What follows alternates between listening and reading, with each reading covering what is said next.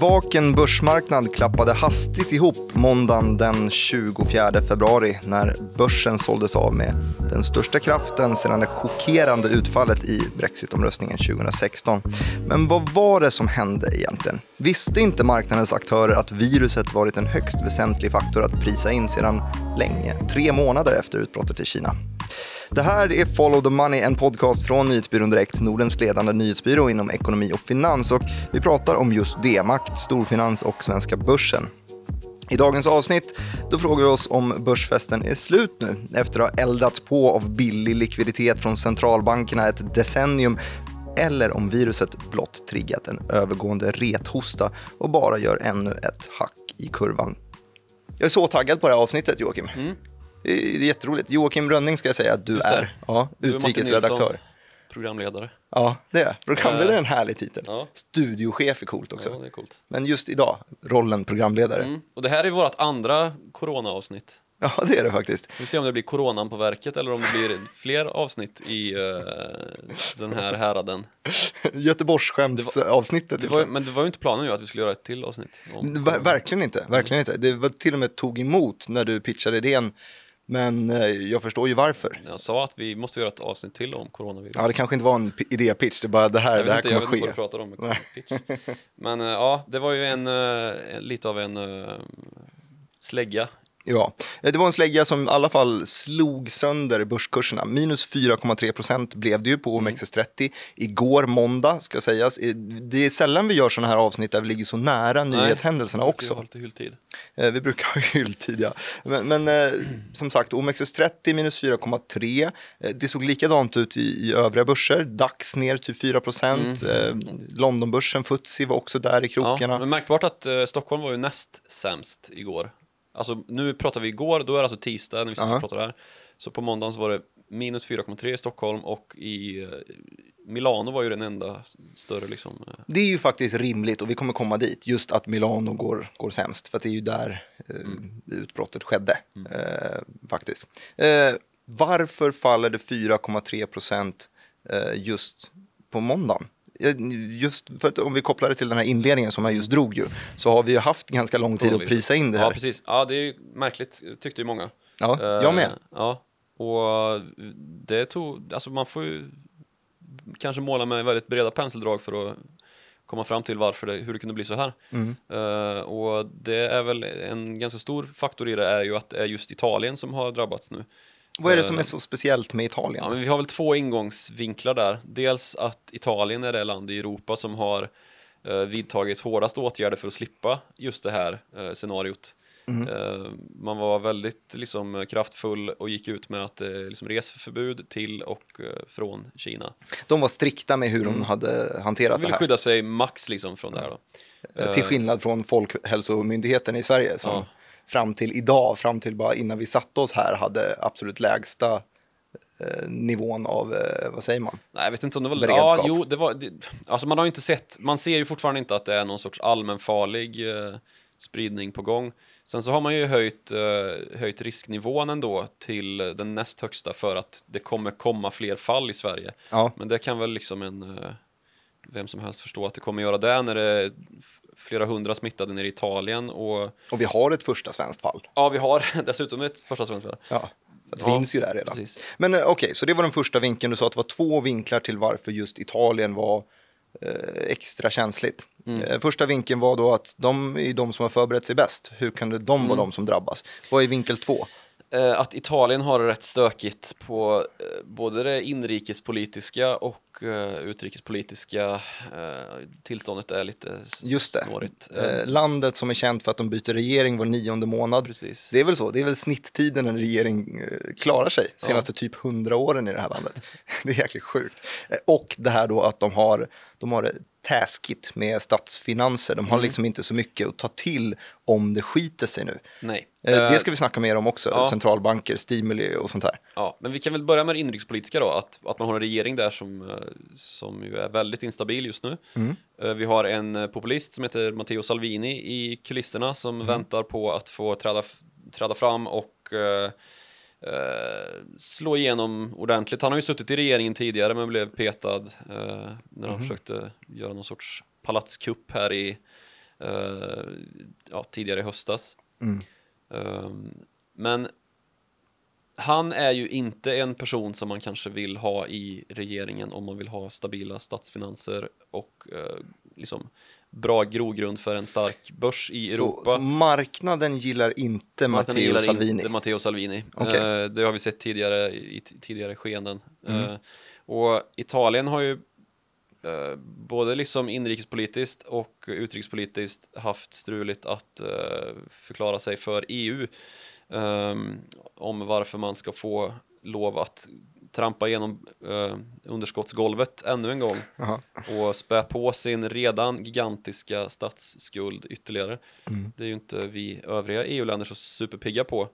Och då har väl uh, Matteo Salvini när han var med och förhandlade om det här uh, innan han blev petad då mm.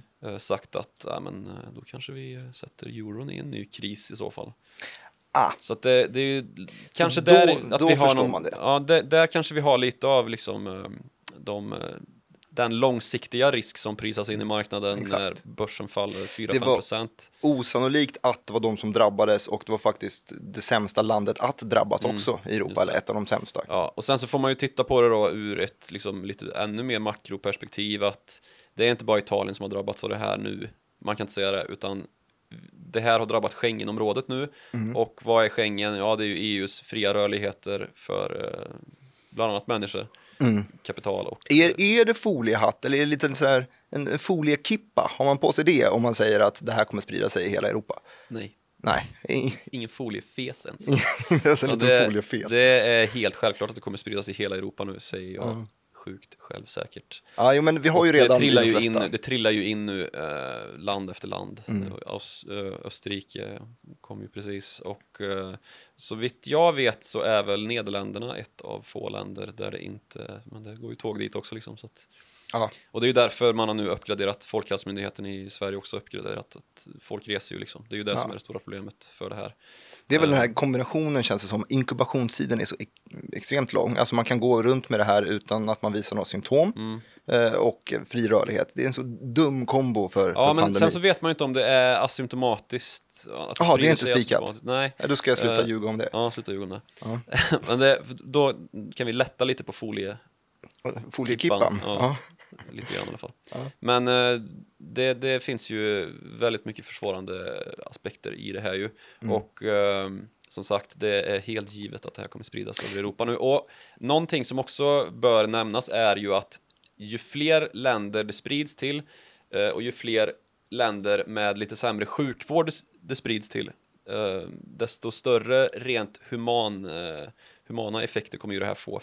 Liksom, vi hade igår första fallet i Afghanistan till exempel. Mm. Ett massutbrott där, där man knappt har sjukvård. Liksom. Det kan man ju se den eh, riktigt mörka mänskliga sidan av det här. Ja men verkligen, för det känns ju som att det är mm. ganska, ganska dålig beredskap generellt med tanke på att det här har funnits ett tag, mm. vi har sett det här hotet. Eh, jag snackade med min, min syrra som jobbar inom vården, sjuksköterska, Eh, och hon gav besked direkt att ah, nej, men idag, nej, vi, vi testar ingenting. Det, vi testar inga som är, hon jobbar då i kommuner. I kommuner mm. testar man inte om man inte vet att det finns ett fall där, så man, man testar inte. Så det skulle med stor, nu snackar vi stor uh, foliehatt på, um, så skulle det kunna ligga latent, liksom mm. finnas uh, typer av fall som man tror bara är vanlig influensa och sen så visar det sig att mm. det, här det är ju det här att, att uh, inkubationstiden är 2 till 14 dagar, liksom, att du, du kanske ja, du kanske var i Italien för två veckor sedan och mm. tänker att det där är lugnt. Mm. Eh, det kan väl också liksom eh, eh, exemplifieras med det här som händer nere på Kanarieöarna där vi har lite svenskar som är på ett hotell som,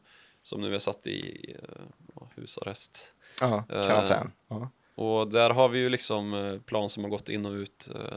Både, Exakt, hur många plan han åka innan Precis. man upptäckte just det här? Ja, så vi, med, det blir ju en eftersläpningseffekt här och det är ju den eh, finessen man måste komma åt liksom. Och det har man ju uh, gjort betydligt bättre i uh, till exempel Sydkorea som ju också har haft en väldigt explosiv utveckling. Ja, samt i Singapore, land... där har man ju varit väldigt starka på liksom. Det är de två grejerna som har hänt som, för, för att förklara den här minus 4,3 procent dagen. Då är det ju, Sydkorea ska prisas in, Italien ska prisas in. Mm. Eh, och så har det ju också varit en hel helg, så det är, ofta, det är därför det ofta blir sådana här Eh, Black Monday. Black Monday. Just för att det, det, har varit helg innan. Black Swan Monday. Black Swan Monday är det. Ja. Vad var det som hände i eh, Sydkorea? Och där hade vi ju en dam på 61 år som uh, var sjuk. Mm -hmm. uh, var som sjuk. också var med i en, någon typ av kristen sekt. Uh, väldigt tajt kyrkoförsamling. Foliehatt-kompatibelt? Ja, det kanske det är. -huh. Jag känner inte dem så bra, men det, det var väl en, ett lite för intimt sammanhang för att vistas i om man har coronavirus i alla fall. Aha, okay. Och eh, så hon gick dit och, och blev liksom, eh, ja, hon, är, hon är patient noll i alla fall vad man vet hittills då. Och mm. runt den här kyrkan då så har det ju spridits eh, exponentiellt. Ah. För där i det här... En megaspridare liksom. Ja, där har vi den här superspridar-grejen. Jag vet inte hur mycket man ska tillmäta det. Eh. Det intressanta när jag läste om det här med, med Sydkorea, det är sättet de Eh, de trackar det här. Det, mm. det är självklart att det är Sydkorea som gör det också. Ja. Superhögteknologiskt. Mm. de, de använder GPS eller vad gör de? Mm, alltså det, I Kina har man ju gått på det genom att ja, men, genomföra de här enorma karantänsåtgärderna. Man satt liksom 100 miljoner pers i eh, husarrest i princip. Uh, I Sydkorea och i demokratiska länder i stort så är det ju det kanske inte så möjligt. Det är svårt att få till när kanske folk inte är så inte hyser den högsta respekten för myndigheter på samma sätt. Mm -hmm. Uh, Italien, tänk hur man parkerar till exempel. Bra iakttagelse. Ja. Tror du att det är en direkt korrelation med uh, sättet man parkerar i Italien och uh, respekten för auktoriteter? Ja. Mm. Kan det vara? Nej, men att det är ju ingen som skjuter dig om du, om du bryter mot en karantänsåtgärd i Italien kanske. eller ingen som tror det i alla fall. Nej. och förhoppningsvis så är det ju så. Men i, i Kina kanske man är lite mer försiktig eh, på grund av att man lever i en eh, totalitär diktatur. Mm. Eh, och det har man ju kanske insett i, ja, men i, i regioner som den nämnda Sydkorea och i Singapore då, där man har gått på det, den tekniska vägen mm. uh, och uh, ja, men trackat ordentligt, liksom, tagit in de som är sjuka och uh, ja, visat vart de har befunnit sig och det finns stora databaser liksom där man kan gå in och kolla. Har jag varit i närheten av någon smittad person så kanske det är läge för mig att kolla upp om jag ja, anmäla mig för ett, en provtagning helt enkelt. GDPR-mardröm? Ja, en riktig GDPR-mardröm. Jag vet inte om patientsäkerheten är riktigt Ja, men den, den, det får ju, vara, GDPR. får ju vara överordnat här att man kanske räddar världen först och främst. Ja, GDPR 2 ja. kanske. Ja. Du, vilka typer av aktier? Vi snackade det senaste coronaavsnittet eh, så snackade vi om att eh, vi utgick lite grann, för det här var ju tidigare i hela utvecklingen, då utgick vi från staden Wuhan där liksom det är City Zero, säger man, sig? säger man så? Ja, det kan man väl säga kanske. Ja, City Zero då. Det är, då snackar vi om typen av stad som Wuhan är. Det är liksom en tung stål, tung industristad. Mm. Så då drog vi kopplingen till att här tillverkar man eh, delar till bilindustrin till exempel. Då ser vi också att det är eh, fordonstillverkare som kanske tar extra stryk av det här. Det är stor industri som behöver specifika små eh, stålmojänger som tillverkas i den här stan och skickas vidare. Mm. Den typen av kopplingen drog vi och vi såg just det att det var de här tungcykliska globala bolagen i botten medan mm. typ eh, forskningsbolaget i Lund, jag tror att vi drog någon sån koppling till biotechbältet i Lund, den lilla liksom enmansbolaget som sitter och forskar på en molekyl, brydde sig inte någonting om Nej. det här. Men nu har det ju kommit till ett lite större... Ja. Eh... Ja, vi, det har vi ju sett ganska tydligt ju att det har blivit en eh, sektorrotation ju. Eh, mm. Att vi har defensiva aktier går lite bättre än eh, de konjunktur och för att eh, förtydliga defensiva, nu avbryter jag det hela tiden, men det tycker jag ju faktiskt är trevligt. det är min grej lite Ja, men igår så var det ju Atlas Copco, Sandvik och Alfa Laval som var ju De botten. offensiva aktierna, ja. exakt. Eh, som cykliska. De defensiva klassiskt är ju AstraZeneca, Tele2, Telia. Eh, ja, men Telekom. Jätte, jätte, Getinge försökte ja. jag säga, gick sådär. Ja. Men alltså den typen av eh, medicin och telegrejer. Sådana grejer som man behöver även om det är dålig konjunktur. Ja. Kort sagt. Ja. Och, och, Italien där vi såg det tyngsta raset, det är ju kul, där har vi Juventus istället. Ja, Juventus Brakar. minus, jag, såg, jag vet inte vad de slutar på men de, de öppnar 11% ner i alla fall. Ja. Och där har vi, vi har ju liksom, man vill ju inte samlas i stora grupper och gå på fotboll kanske. Om det, och Serie A fotbollsligan i Italien har ju utfärdat eh, ja, de matcher som, i den mån matcher ska spelas överhuvudtaget så kommer det vara utan publik och eh, Det går man back på om man är ett fotbollslag. Det, det verkar så. Mm. Sen så har vi ju också eh, alla modebolagen kraschar ju ihop igår. Ja, men den, den kopplingen tycker jag är rätt spännande, för ja. där har vi ju, vi snackar ju produktionen i världen, det är mm. Kina. Mm. Och vi snackar designen i världen, det är Italien. Så mm. där har vi liksom eh, mm, båda delar ju, av den. Alltså alla modemärken har ju satsat hej vilt mot just Sydostasien och Kina. Eh, ja, de säljer till den marknaden också. Ja. Mm, alltså det är ju världens största lyxmarknad. Alltså medelklassen i Kina har ju också ökat enormt de senaste mm. 20 åren. Och, så det finns ju inte ett enda modehus i den klassen då som LVMH, Kering har ju en massa mm, Just det. Eh, modemärken under sig. Eh, och Gucci och gänget som eh, inte har satsat stenhårt där nere. Ett hårt slag mot eh, Gucci-bärande fotbollsentusiaster mm. var det helt enkelt i, det i måndags. Ser vi samma typ av, eh, nej det är världens längsta koppling. Jag tänker på noterade fotbollslag i Sverige. Vad har vi? Vi har AIK som är på NGM, handlas en gång i veckan kanske, jag vet inte. Norra Stå AB. Nor Norra Stå AB. Ja, nej, jag tror inte det. Den, vi, den ska vi nog inte dra någon nej. koppling till tror jag. Men eh, som vi sa i förra avsnittet då, så har det ju varit just det här som jag sa, liksom eh, folksamlingspräglade eh, affärer mm. har ju gått i eh, stå liksom. Ja, men jag har sett, eh, det finns videor från typ köpcentrum i, inte ens i Wuhan, utan bara i olika provinser i Kina, där folk är rädda såklart. Det är mm. klart man inte åker till ett köpcentrum eh, och bara går och ströhandlar lite. Man, man väntar ju med att shoppa sin, sin Gucci-väska. Liksom. Eh, det är helt tomt i de här mm. köpcentrumen. Eller hm klänning eller vad man nu gör. För H&M har inte heller gynnats direkt av det här. Nej, det Ikea är ju också, de, ja. de stängde ja, ner liksom. Ja, precis. Uh, och i uh, Eh, Sydkorea, det, det, där har vi ju sett en liknande effekt, liksom, att folk håller sig hemma mm. eh, i rätt stor utsträckning. Eh, och det Daegu, det är en jättestor stad, det är Sydkoreas fjärde största. Eh, Sydkoreas Uppsala. Sydkoreas Uppsala, precis. Aha. Universitetsstad också. Säkert. Hur mycket kan Rimligtvis. Du? Rimligtvis ja. universitetsstad. ja. Ja. Sektstad kanske, efter den här Patient Zero. Nej, ja, vi går inte dit. Eh, vi går vidare istället med, eh, vad, vad, tycker du att vi borde ta det här vidare? Vi har snackat nu om eh, vad, eh, måndagen, eh, där allting rasade. Vi har snackat mm. om att det är Italien som utbrott har skett. Vi har touchat lite Teneriffa, Sydkorea, Singapore. Vi snackar om rörligheten i Schengenområdet och hur det är sannolikt att eh, de flesta delar av Europa blir smittade mm. nu. Eh, att det kommer poppa upp fall. Inkubationstiden är lång, mellan 2 till 14 dagar, så vi har liksom lite tid på oss nu att, eh, ja. att få lite skit helt enkelt. Ja. Um, Finns och... det något positivt? ja, men WHO håller sig ju ganska positiva, även om man liksom har man har ju inte, man har ju långt ifrån blåst faran över trots att eh, Kina då har sett en klar liksom, inbromsning i det nya, nya antalet rapporterade fall dag mm. för dag. Ju. Uh, alltså i regioner som inte var de allra mest, uh, alltså uh, Wuhan-regionen är ju den som är City Zero som du sa. Ja, Utanför den och de när, närmast liggande regionerna så var det inte ett enda nytt fall som rapporterades i, uh, idag, tisdag. Nej. Och det är ju positivt såklart, men uh, nu är det ju frågan då om uh, resten av världen kan eh, undvika det som WHO hittills i alla fall vägrat kalla för en pandemi, även om det ju faktiskt Ja men det borde ju ändå vara det lite, eller? Ja, visst. Jag menar om vi har en i, i Jönköping så då har vi ju täckt in världen. Ja, precis. Just. Det är ju lite som den här Tage Danielsson-sketchen du vet, med Harrisburg. Du vet, ja okej. Okay. inte, inte jättebekant. Hur, hur, stor andel av lyssnarna tror du är bekant med den?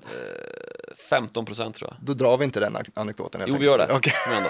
Nej, men han sa, när Harrisburg inträffade, eh, alltså en, den största kärnkraftsolyckan i eh, amerikansk historia, mm -hmm. eh, så var ju alltså sannolikheten för att Harrisburg-olyckan skulle, skulle inträffa kallades ju för oerhört låg, liksom, att det var nästan omöjligt. Mm. Så även efter att den hade inträffat så försvarade man då eh, att man faktiskt hade skridit till verket med kärnkraften och, och faktiskt upprättat den med att ja, men det var ju så himla låg sannolikhet. Mm. Så mhm. att då kunde man nästan fråga sig då, den fråga eh, Tage Danielsson ställde sig, har det egentligen hänt?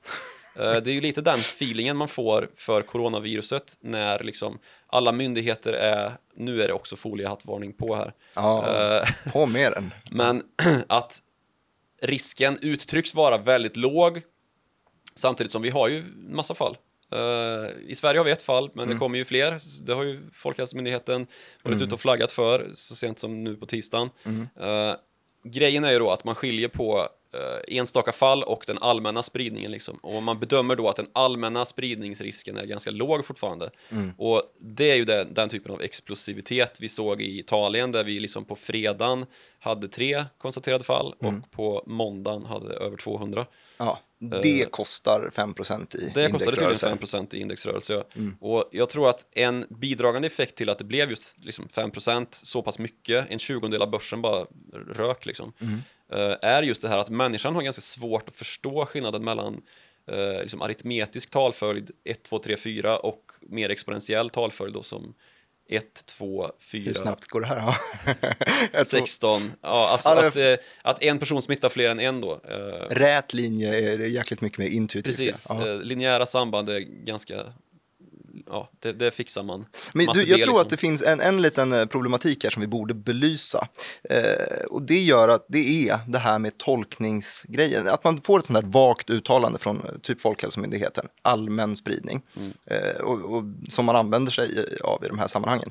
Eh, de har ju då, om man snackar WHO och Folkhälsomyndigheten, de har ju liksom två uppgifter här. De vill ju informera så mycket som möjligt, det är ju huvuduppgiften. Mm. Men de vill inte mana till panik, för det kostar antagligen ännu fler liv. Mm. Om det här blir världens prepper-ekonomi och man eh, köper slut på alla Kraft Heinz eh, konserverade lång, burkar. Lång liksom. Kraft Heinz. Lång Kraft Heinz oavsett, ja absolut. Ja, nej men precis, och det gör ju att det finns gott om eh, utrymme, för det är ju precis i den ytan där i det här gränslandet mellan eh, blåsa varningssignal och lugna massorna Exakt. som konspirationsteoretikerna gottar sig ja. som bäst ju.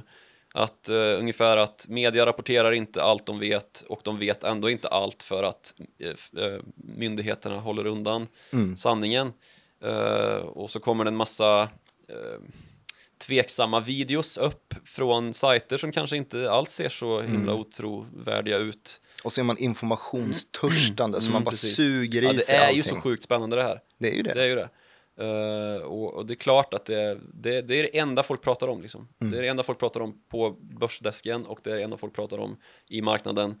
Och det ser vi också liksom konsekvenser av. Så fort, det, så fort det ser, vi ser en indexrörelse så är det liksom oj, i morse index gick från uh, plus 0,5% till minus 0,5% ja, på eh, tilltagande virusoro. Ja, till, ja, men tilltagande virusoro som bestod av att... Feber på marknaderna. Som bestod av att eh, vi inte längre bara hade fall i, i Lombardiet i norra Italien och mm. i Venedigregionen utan att vi fick ett fall nere på Sicilien. Mm. Eh, så att det liksom är eh, det är där man känner, Italien och, det är pulsen. Mm. Mm, och att det, ja, men det, det, framgår liksom hur svårt det här är att uh, contain, vad heter det? Ja, behålla inom ramarna. Är det ett ord? Nej, det... Det, det är en mening, många ord. Tre ord. Ja, det nej, men, tog lång tid för dig ja, att räkna ut också. Ja, men kul. Ja, jag... Du, om det nu skulle hända någonting här, eh, så jag som är mer, jag, jag, älskar ju makroekonomi, jag tycker ju penningpolitik är, är det sexigaste av det hela, typ. Mm. Eh, det, är ju, det är ju en sjukdom i sig. Men, ja, håll det eh, kort nu. ja, verkligen. Eh, då, då har vi ju liksom musklerna för om man kan, om det nu sker en ordentlig inbromsning i eh, ekonomin, mm. så har man hela tiden pratat om, det har liksom fått en, en, funnits en latent oro för att Riksbanken har sänkt räntorna för mycket, har varit för expansiv i sin penningpolitik, så att när det händer någonting, då kommer vi inte ha någonting att göra. Mm, det här är det som händer nu. Det här mm. är det som har hänt. Det här är det man har varit orolig för. Det här är den här svarta svanen som vi har pratat om i varenda avsnitt, mm. känns det som. Och nu får man ju då svart på vitt, vad har vi för muskler att, att dra med egentligen? Mm. Och det hela tror jag, jag tror att vi har liksom ett par olika steg. Och jag tror att vi får dra det till vad har vi för sätt att stimulera en ekonomi på, att behålla jobb på och så vidare, att försvara en BNP på. Jo, vi har Riksbanken och de har ju två stycken verktyg numera. En, förr i tiden så hade de bara ett verktyg, det var att höja och sänka räntan. Höja räntan så, så bromsar man in ekonomin så blir det dyrare att köpa pengar, låna pengar. Mm. Och sänker man räntan så blir det billigare. Nu för tiden har man ju också det här statsobligationsköpet eller tillgångsköpsdelen av det hela. Man köper statsobligationer. Nu har man tyvärr dock köpt lite för många så att man äger vad är det, 45 procent av eh, utstående statsobligationsstocken. Mm. Så att man vill inte riktigt köpa mer så man vänder sig på, mot nästa liksom, instrument att köpa. Och det ser ut att bli kommun, kommunobligationer. Det är liksom nästa del i den här stegen. Där, jag vet inte hur intressant det här är. Men, men eh, att man trycker upp risken helt enkelt. I, eller man trycker upp tillgångar i högre riskkategorier kan man väl sammanfatta Jo men absolut. Och då är det kommunobligationer snarare än typ bostadsobligationer har funnits där. Men vi vet ju hur orolig Ingves är för att mm. eh, trycka upp bostadspriserna på något sätt och, och, eh, göra det billigare för bostäder att eh, låna pengar. Liksom. Mm. Eh, så att där har vi ganska begränsat och det ser ut så, om man har tolkat typ eh, Riksbankens meddelanden så ser det ut som att de vill inte göra någonting. Det första de möjligtvis gör, som man då skulle kunna se på eh, tidigast typ ett eh, riksbanksmöte i april nu, mm. eh, är att man vänta med, man förlänger den här räntebanan. Mm. Just nu så har vi ju att vi ska ligga kvar här på nollan, vadå, till 2022 eller något sånt mm. där. Att man då förlänger den och säger att ja, nästa räntehöjning kommer senare, längre fram i tiden. Det är ju en sån här, ett signalvärde för att en, en mer expansiv eh, inställning till ekonomin. Mm. Eh, går, skiter det sig ordentligt, då kommer vi sannolikt få se ett, ett brett skott. Då kommer vi få se köpta kommunobligationer och så kommer vi få se en sänkt ränta samtidigt kanske. Mm. Det här är också det är spekulation, men det är ungefär där det ser ut om man ska tolka vad Ingves är. är han väl, vill väldigt gärna, ogärna sänka räntan, han vill väldigt ogärna köpa eh, obligationer också för den delen. Mm. Eh, det ska liksom mycket till. Mm. Och del två man kan stimulera ekonomin på, eh, nu blir det ju långrandigt det här i alla fall, mm. men jag tycker det är intressant ändå. Det är det finanspolitiska, det är helt enkelt att man tar ett politiskt beslut som stödjer de här grejerna och, och eh, får in pengar i systemet på något sätt och försvarar lite jobb. Och det gör man också, närmast är väl typ vårbudgeten också i april. Ja, precis, skattesänkningar är ju ja. praktiken. Mm. Så där har vi lite begränsade muskler skulle jag säga, för jag tycker ja. inte att svenska politiska systemet kanske inte är det mest stabila just nu heller. Nej, och det är det ju inte i världen heller. USA har ju lite muskler kvar ju. Ja, men de har ju typ åtta räntehöjningar bakom sig. Ja, uh, precis. Jag vet uh, inte riktigt, men ish där. Ja, men i övriga världen, så, alltså där i den mest uh, drabbade regionen, Kina, har ju ingen styrränta på det sättet, men man, det har ju en kraftigt liksom, skuldsatt ekonomi. Mm. Uh, och tittar vi över uh, till, till Sydkorea och Japan så har vi ju uh, väldigt ja, ja, ansträngda Japan centralbanker är... och inte mycket till finansiella muskler på, på liksom Japan blir ett, ett, ett, det, blir, det kommer att få bli en liten, ett studieexempel på hur, hur blir det om man bara låter ekonomin sköta sig själv? För de har ingenting mer att göra. Nej, typ. och alltså det har ju varit Kuroda eller om det var finansministern som var ute och, och pratade om att det här kan mycket väl liksom välta Japan i, i en lågkonjunktur nu. Mm. Um, ja, men det beror på hur lång tid det här går helt enkelt. För att vi har redan sett ju Apple har vinstvarnat. Ja. Vi har ju sett att de, IMF har vridit ner eh, världs-BNP-prognosen. Jag tror att det var 0,1 procentenheter. Men det beror ju då kopplat till Kina som har blivit den här stora motorn. Vi nämnde det förut, de är nästan en femtedel av världens BNP, typ 16-17 procent eller något sånt där. Mm. Och de är också nästan en femtedel av världens befolkning, kul nog. Så att de, de ligger där på något snitt BNP per capita ja. i sig. Men, Men alltså det är ju samma där ju, det är myndigheter som är ute och, och spår det här ju. Ja. Och det är ju bara att hålla i hatten och hoppas att det inte är Bagdad Bob eh, som, som spår det här. Mm. Men det, det är inte alls liksom orimligt att det blir bra mycket värre än, än det är nu. Även om vi lyckats liksom eh, få ner siffrorna i, eller tillväxttalen, eller tillväxttalen, nu pratar vi nu får vi prata om rätt saker här. Ja, alltså helst. antalet nya sjuka i mm. Kina mm. Uh, har, ju, har ju börjat dämpas liksom ganska kraftigt och vi kanske har nått en peak, har ju WHO hävdat då att mm. nu, nu har, kommer, kommer det inte liksom stegra sig på samma sätt som det gjorde i inledningen då när vi hade den här helt liksom makabra utvecklingen där det var det var ny, framförallt nya sätt att leverera statistik på. Ja, det var nya på. sätt att leverera statistik på varenda dag i princip. Det, det var ju riktigt fem sjukt. olika analysmetoder som innan man liksom... Hur kommer det sig att man har, använder fem stycken olika analysmetoder på att leverera statistik? Ja, men dåliga, dåliga på att uh, kommunicera myndigheter emellan verkar det ju som. Mm -hmm. För det är ju inte så att, uh, att Kina liksom har ett, ett helhetsgrepp på det här utan det har ju varit Eh, stad för stad och provins för provins har ju, har ju liksom rapporterat på olika sätt. Mm. Alltså så här, ska vi rapportera de som har konstaterats med smittan eh, men som inte har insjuknat? Eller ska vi rapportera de som bara har insjuknat? Mm. Ska vi rapportera de som har symptom? Eller ska vi rapportera de som både har eh, insjuknat och Jag vill bara skrika, jag skiter i vilken metod, ni använder, vilken metod ni använder, bara ni använder samma så att man får ja, någon form det, det, är ju den här, det var ju ett jättehopp i statistiken uh -huh. uh, i början på februari var det väl när den här, uh, när WHO kom in i bilden mm. uh, och man justerade upp då Kinas siffror. Det var ju en uppjustering var man ju tydlig med att säga, men det, det blir ju markant i datan ändå. Mm. Eftersom att det var 20 000 den dagen och totalt har vi ja, nu på tisdag eftermiddag över 80 000. Mm. Så liksom en fjärdedel av de fallen var liksom en uppjustering från WHO där man gick in och sa ajabaja, ni måste göra så här. Men mm. efter det så har man ju också justerat då som sagt två gånger till. Liksom, så det... men, men, men det är ju faktiskt en, en, positiv del här, att vi lär ju få jäkligt rena siffror från eh, Italien och, mm, och Sydkorea. Det är väl egentligen, är väl förväntningar. Precis, det är väl, det är väl först nu som man kan uh, sätta någon sorts uh, tilltro till att siffrorna faktiskt uh, kommer liksom ja, det som har präglat specificeras siffrorna. närmare verkligheten. Mm. sen så har vi ju det här med att det kanske finns liksom en ett, ja, skuggutbrott som som sker i populationer som inte är så liksom, som är väldigt motståndskraftiga. Vad tänker sagt, du på då? Ja, men som sagt att um, man inte går ut idag liksom till sådana som ligger med lunginflammation och testar dem. Mm. Uh, utan du måste, för att liksom klassificeras in i då att uh, hallå, jag, jag tror att jag har fått uh, coronavirus. Det räcker inte, utan du måste ha idag varit i kontakt med någon som har liksom rest till ett berört område ja, där det finns liksom en konstaterad vara... smitta. Eller säg att den här patient 0 i Sverige då, den i Jönköping. Mm att man skulle ha varit i kontakt med den skulle ju göra att du liksom faller in i den kategorin. Mm. Men det är ingen, ingen liksom så riktad storskalig testning som sker. Eh, kontakt med den, som att det var ett väsen som ligger där på en stackars avdelning i Jönköping. Ja, en, kontakt med henne. Den, denne.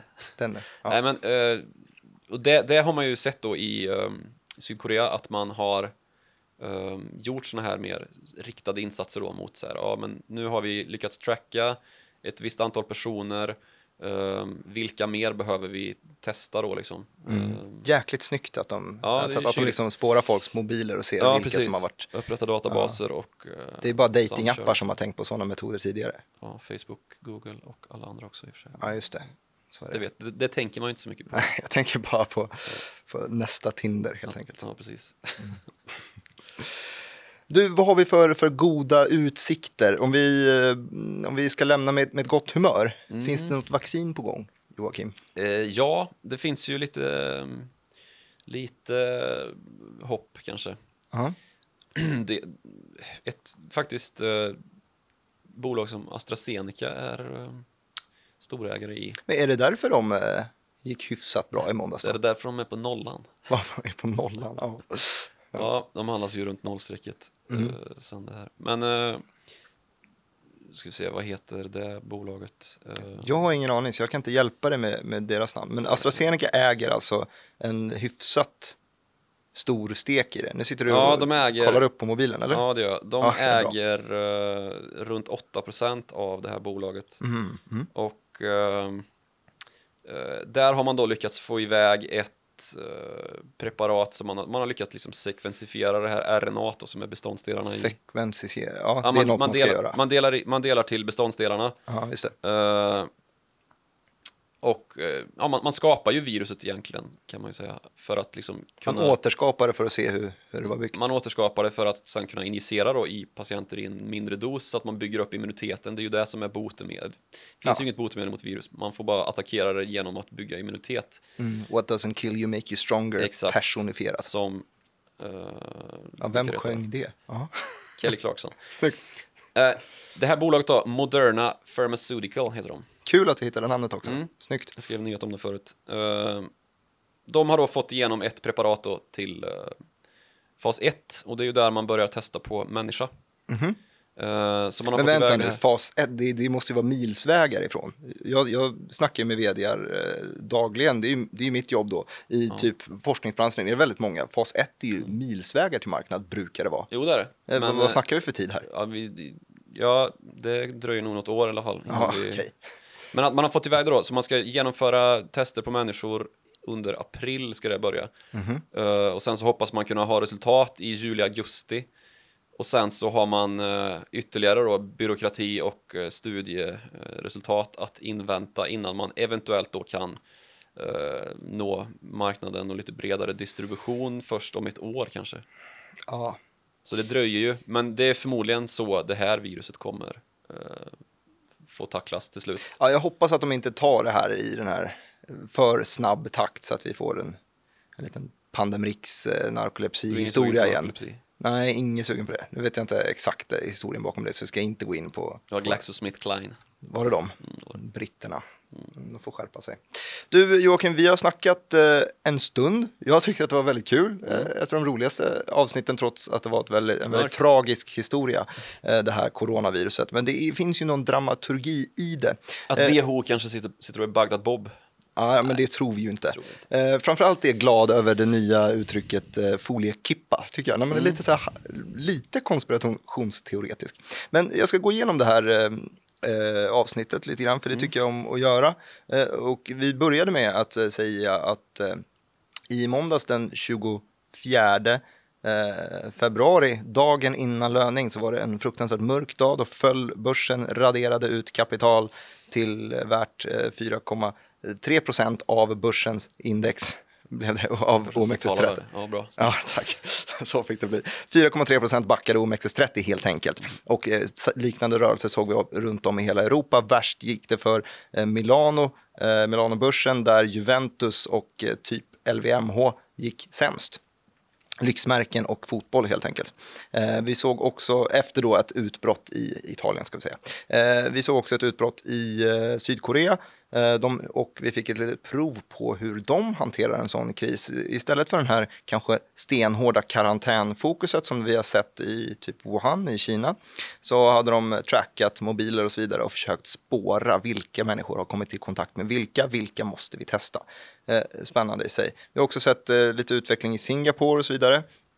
Eh, och sen så pratade vi om Eh, risken att det här skulle sprida sig i övriga Europa och vi kom överens om att risken är nog jäkligt stor just mm. för eh, fri rörlighet och eh, demokratiska eh, länder som liksom inte har långt till att bara stänga gränser på det sättet. Det, det, ser vi ju inte idag. Eh, vi pratade till exempel om ett fall i, eh, i Teneriffa som vi fick nys om idag också, där man har eh, satt ett helt hotell i karantän och det ska tydligen finnas ett par eh, svenskar där också.